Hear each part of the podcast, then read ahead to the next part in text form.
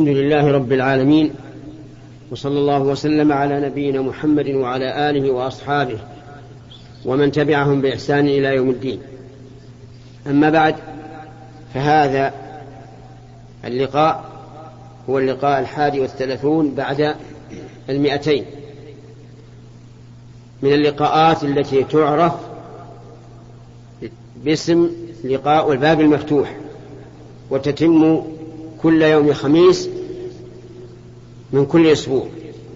وهذا الخميس هو الثامن من شهر المحرم عام واحد عام إحدى عام أحد وعشرين أحد وعشرين وأربعمائة وألف. نبتدئ هذا اللقاء بالكلام بما ييسره الله عز وجل على سورة المجادلة. ويقال المجادلة فالمجادلة على أنها اسم فاعل والمجادلة على أنه مصدر. جادل يجادل مجادلة. يقول الله عز وجل بعد ذكر البسملة والبسملة تقدم الكلام عليها كثيرا. يقول عز وجل قد سمع الله قول التي تجادلك في زوجها وتشتكي إلى الله. قد هنا للتحقيق والتوكيد. سمع الله قول التي تجادلك وهي امرأة أتت إلى النبي صلى الله عليه وعلى آله وسلم تشكو زوجها أنه بعدما كبر سنه وسنها ظاهر منها وقال لها أنت علي كظهر أمي هذا الظهر أنت علي كظهر أمي.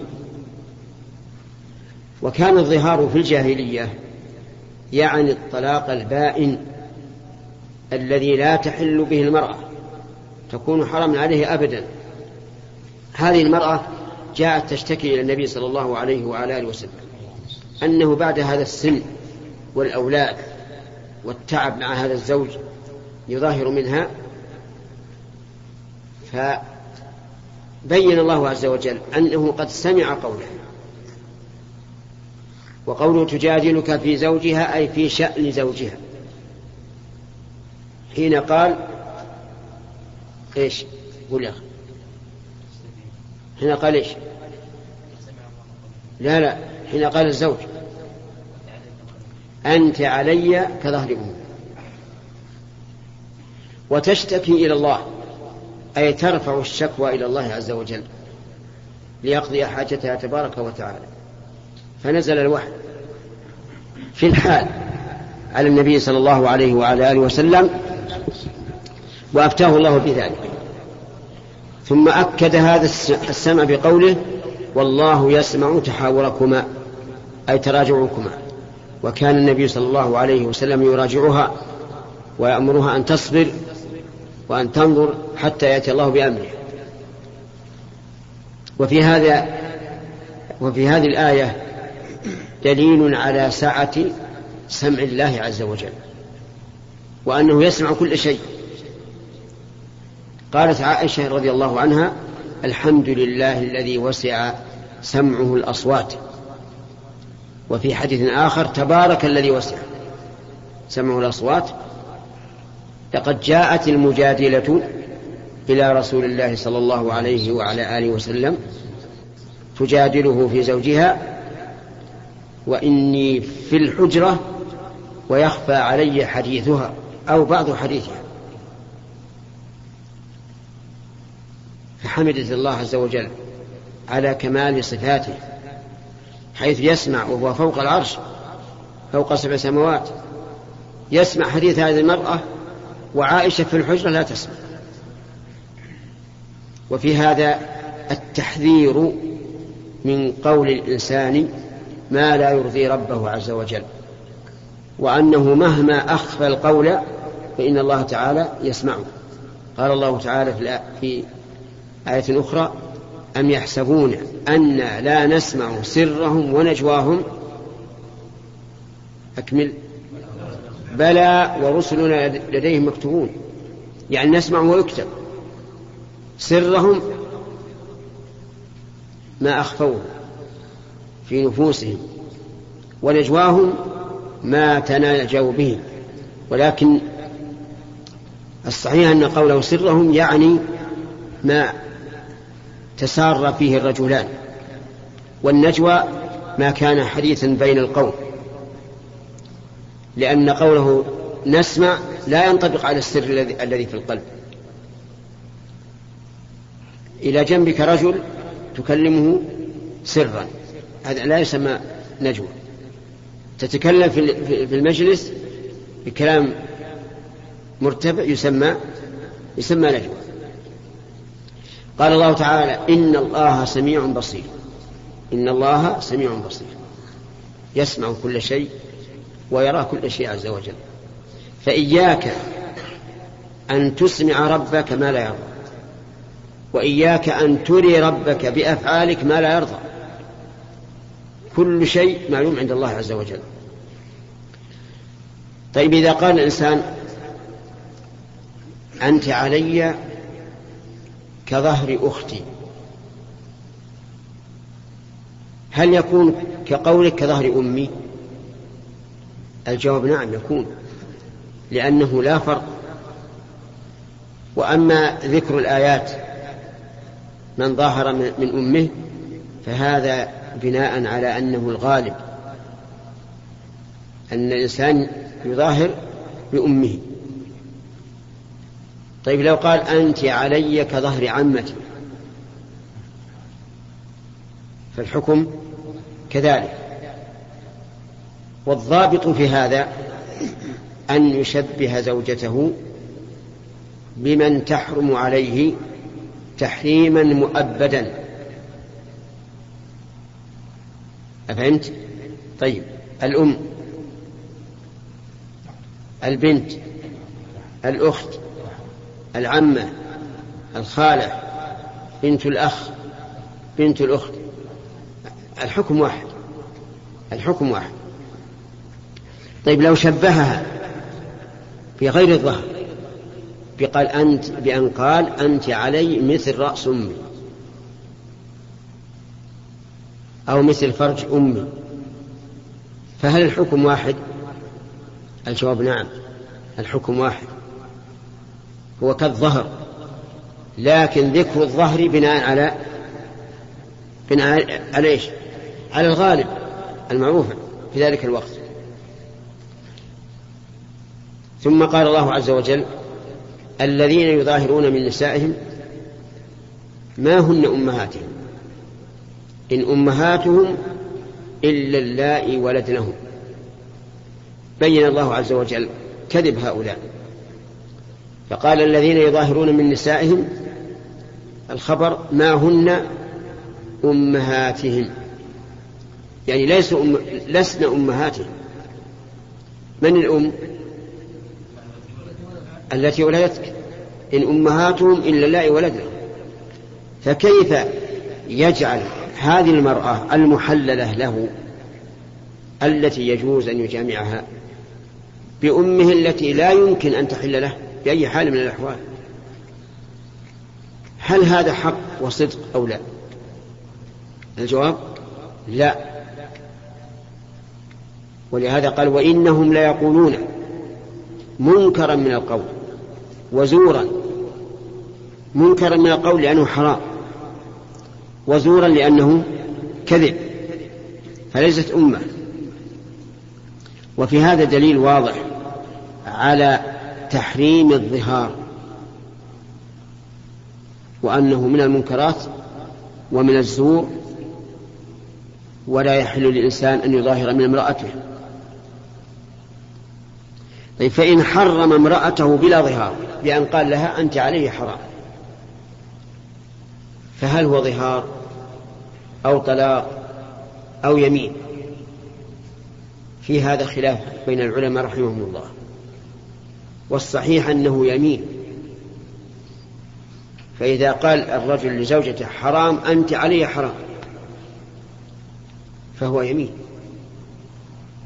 لدخولها في عموم قوله تعالى يا أيها النبي لم تحرم ما أحل الله لك تبتغي مرضات أزواجك والله غفور رحيم. قد فرض الله لكم تحلة أيمانكم والله مولاكم وهو العليم الحكيم. فبين الله عز وجل أن تحريم الحلال إيش هو؟ يمين. قد فرض الله لكم تحلة أيمانكم. فتحريم الحلال يمين لا فرق فيه بين الزوجة وغيرها.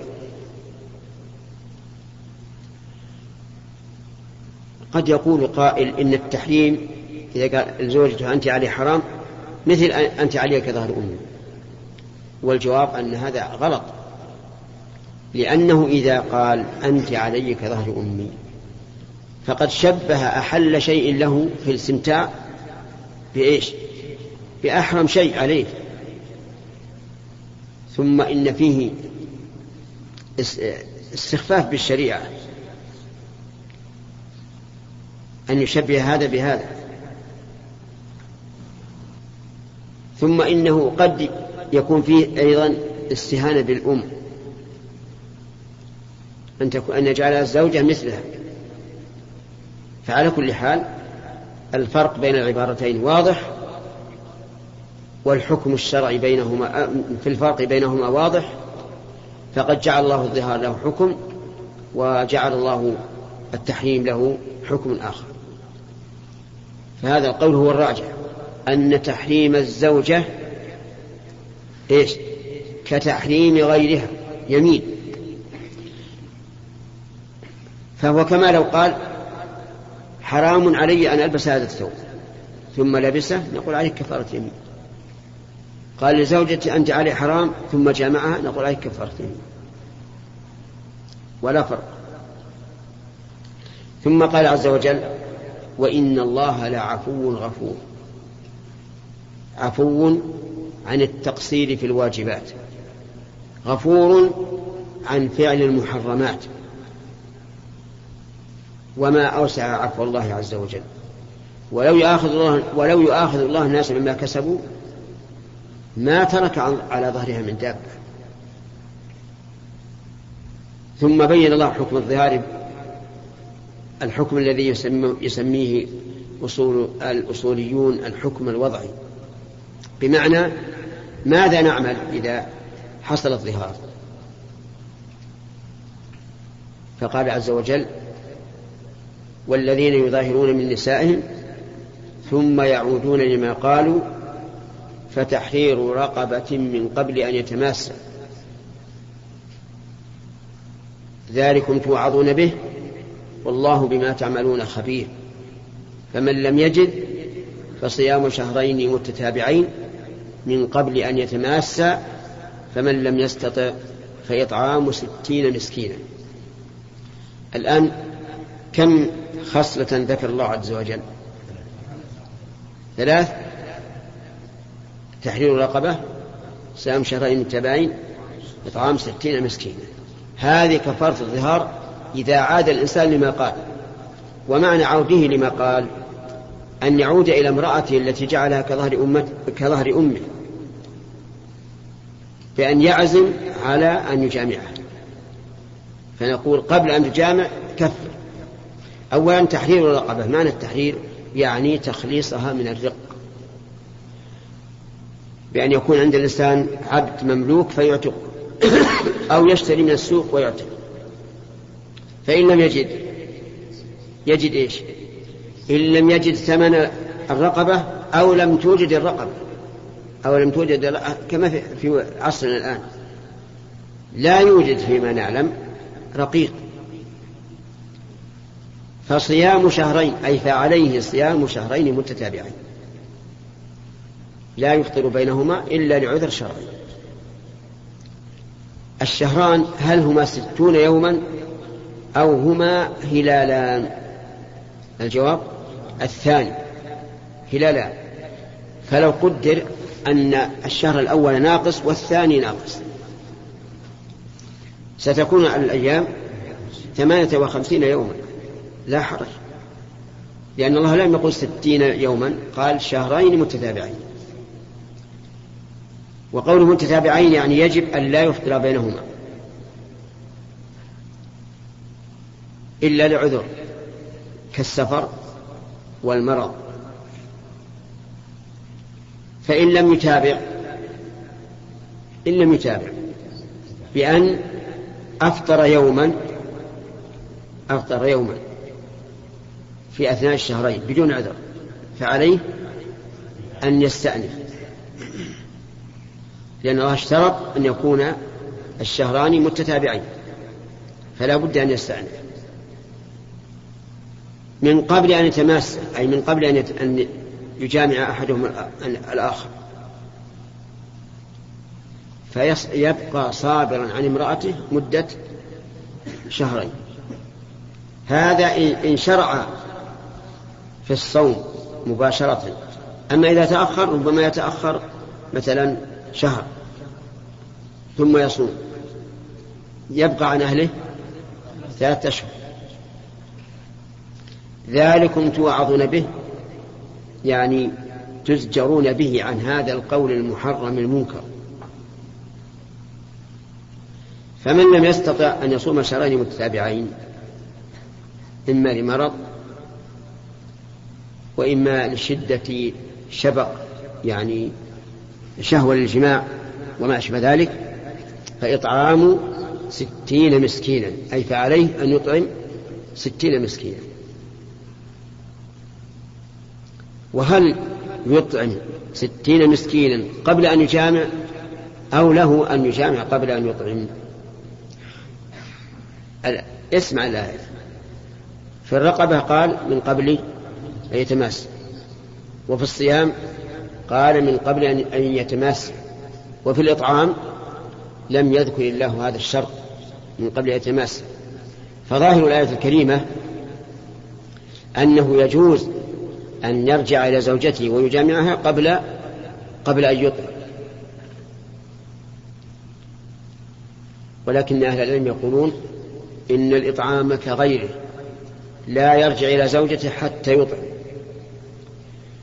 وقالوا إذا كان الله تعالى أوجب أن تكون الكفارة قبل الجماع في العتق وهذا قد يتأخر. ربما يبقى الإنسان يبحث عن رقبة شهرا أو شهرين أو أكثر في الصيام وهو شهران. يبقى لا يجامع زوجته حتى يصوم. فما بالك بالإطعام؟ الإطعام يمكن أن يطعم في خلال نصف ساعة. أليس كذلك؟ يقولون فإذا كان العتق والصيام. يجب أن يتقدم الرجوع فالإطعام من باب أولى. ولكن كيف يطعم ستين مسكينا؟ إطعامهم على وجهين. الوجه الأول أن يصنع غداء وعشاء أو عشاء ويدعو ستين مسكينا. فإن لم يتسع المكان للستين دعا عشرة اليوم وعشرة آخرين من الغد وعشرة آخرين من الغد حتى يكمل ستين مسكينا. هذا واضح. غداء أو عشاء. فإن لم يعمل غداء أو عشاء فليطعم عن كل يطعم فليطعم كل مسكين كيلو من الرزق ومعه لحم. يعني يأخذ مثلا أكياس من النايلون يجعل فيها كيلو من الرز ومعه لحم. لحم قليل يكفيه بس. ويوزعها على ستين مسكين. وبذلك تتم الكفارة. طيب إذا كان الإنسان لا يستطيع ولا ولا الإطعام ماذا يصنع؟ نقول لا تقرب زوجتك حتى تقدر على الإطعام أو على الصيام أو على الرقبة. قوله اتقوا الله ما استطعتم وعلى هذا فيأتي أهله ولا حرج عليه. فمن لم يستطع فإطعام ستين مسكينا اللي بعدها؟ نعم. ذلك لتؤمنوا بالله ورسوله. أي أوجبنا ذلك ليتحقق لكم الإيمان فإنه كلما كان الإنسان ممتثلا لأمر الله مع المشقة ازداد إيمانه ورغبته فيما عند الله. لتؤمنوا بالله ورسوله يعني محمدا صلى الله عليه وسلم. وللكافرين عذاب أليم. ختم الآيات بهذه الجملة مخيف. كأنه يقول استعدوا للعذاب الأليم إن لم تؤمنوا بالله ورسوله فتؤدوا ما وجب الله عليكم من من الكفارة. وإلى هنا ينتهي الكلام على ما سمعتم من كتاب الله عز وجل. ونسأل الله أن يرزقنا وإياكم العلم النافع والعمل الصالح. وإلى الأسئلة نبدأ باليمين نعم. فضيلة الشيخ في شخص عندنا له استراحة قد أجرها على ناس أو على شباب وضعوا فيها دشا. وقد نصح مرارا لكن لم يستفد. وهذا الشخص يظهر عليه الصلاح وهو إمام مسجد. السؤال هل المال الذي يأخذه منهم حلال؟ وما هي النصيحة التي توجهون إليه؟ وفقكم الله. هذا يقول إنه إن رجلا أجر استراحة له لقوم وضعوا فيها الدش.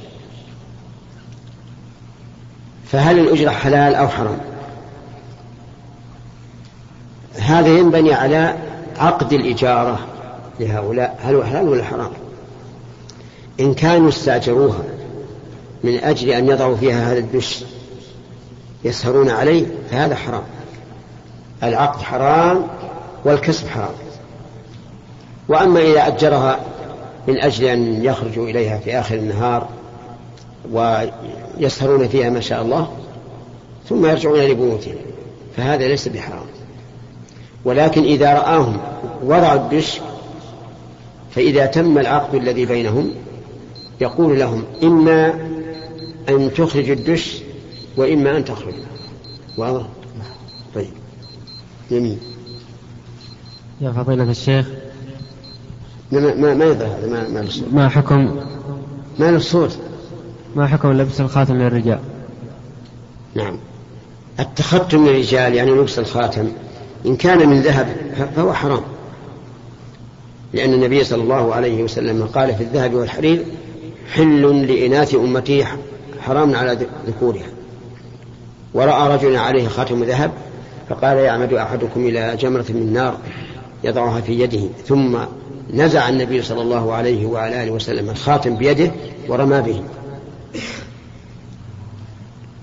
فلما انصرف النبي صلى الله عليه وعلى آله وسلم يقول للرجل خذ خاتمك قال لا آخذ خاتما رمى به النبي صلى الله عليه وعلى آله وسلم. أما إذا كان من غير الذهب كالفضة فإذا كان لحاجة فهو سنة.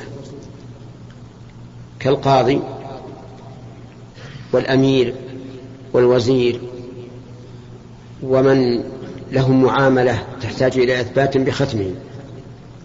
فهذا سنة لأن النبي صلى الله عليه وسلم لما كان يكاتب الملوك قيل له إنهم لا يقبلون إلا كتابا مختوما اتخذ الخاتم. وأما لمجرد الزينة فلا فلا يسن له. واضح؟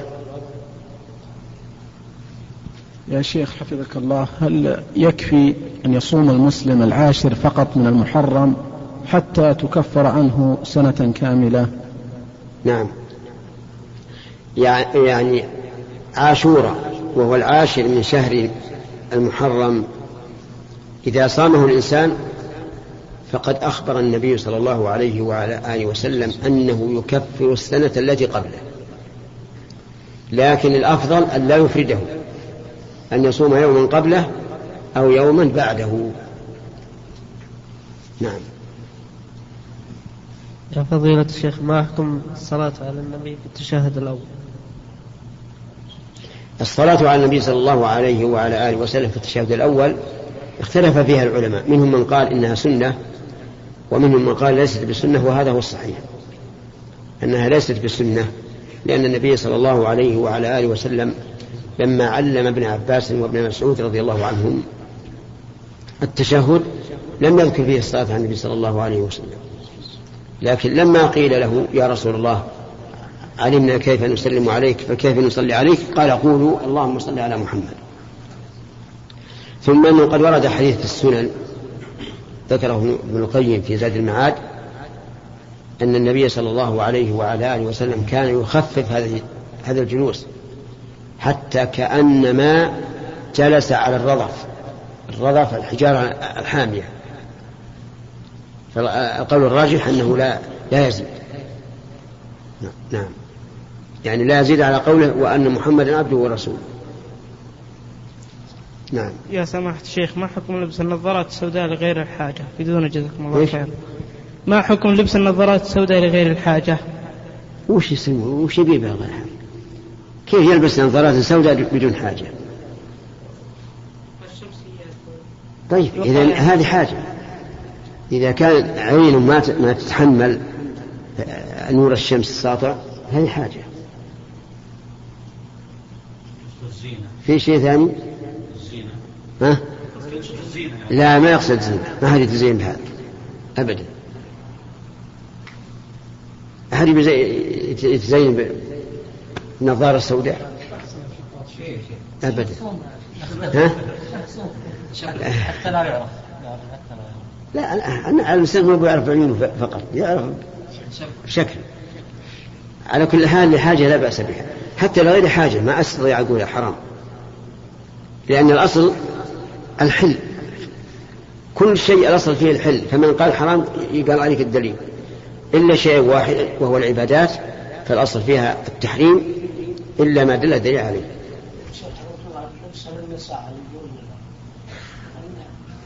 ليس لك حق في السؤال. السؤال للضيوف فقط. لا لا ما في أسئلة جاهل علم. نعم. بسم الله الرحمن الرحيم. يا شيخ إذا كان كنت حاج وفي طواف الحج أحدثت في الشوط الرابع في وسط الشوط الرابع وطلعت توضيت ورجعت طهارة. هل أبدأ من من من, الأول ولا أتم الرابع؟ لا المسألة خطيرة هذه. طوافك غير صحيح. طوافك غير صحيح. لماذا؟ لأن الذين يقولون إنه لا بد من الوضوء يقول لما انتقض الوضوء بطل الطواف. وإذا بطل بطل ولا يمكن البناء عليه. والذين يقولون إن الوضوء ليس بشرط يقول هذه المدة قطعت الموالاة يعني متى يخرج؟ ومتى يجد مكانا فاضيا يتوضأ فيه؟ ومتى يرجع؟ فعلى هذا الرجل الآن أن يذهب إلى مكة وأن وإن كان وإن كان صاحب زوجة لا يقربها حتى يذهب إلى مكة ويطوف بثيابه. طواف الإفاضة ويرجع. وإن أحب أن يحرم من الميقات بعمرة فيطوف ويسعى ويقصر ثم يطوف طواف الإفاضة فلا فلا بأس. لا بلغه. بلغه. نعم. بارك الله فيك يا شيخ. بالنسبة للتعزية. بالنسبة؟ للتعزية. تعزية؟ للتعزية نعم في البيت يقيمونها ثلاثة أيام. أحيانا العم أو ابن الخال أو ابن العم يأمرك بالتواجد في التعزية. وتحدث لنا إحراجات يعني قد يكون خصام بين العم وقد لا يكلمك أشهر. وقد حدث هذا معنا. اقلب الشريط من فضلك.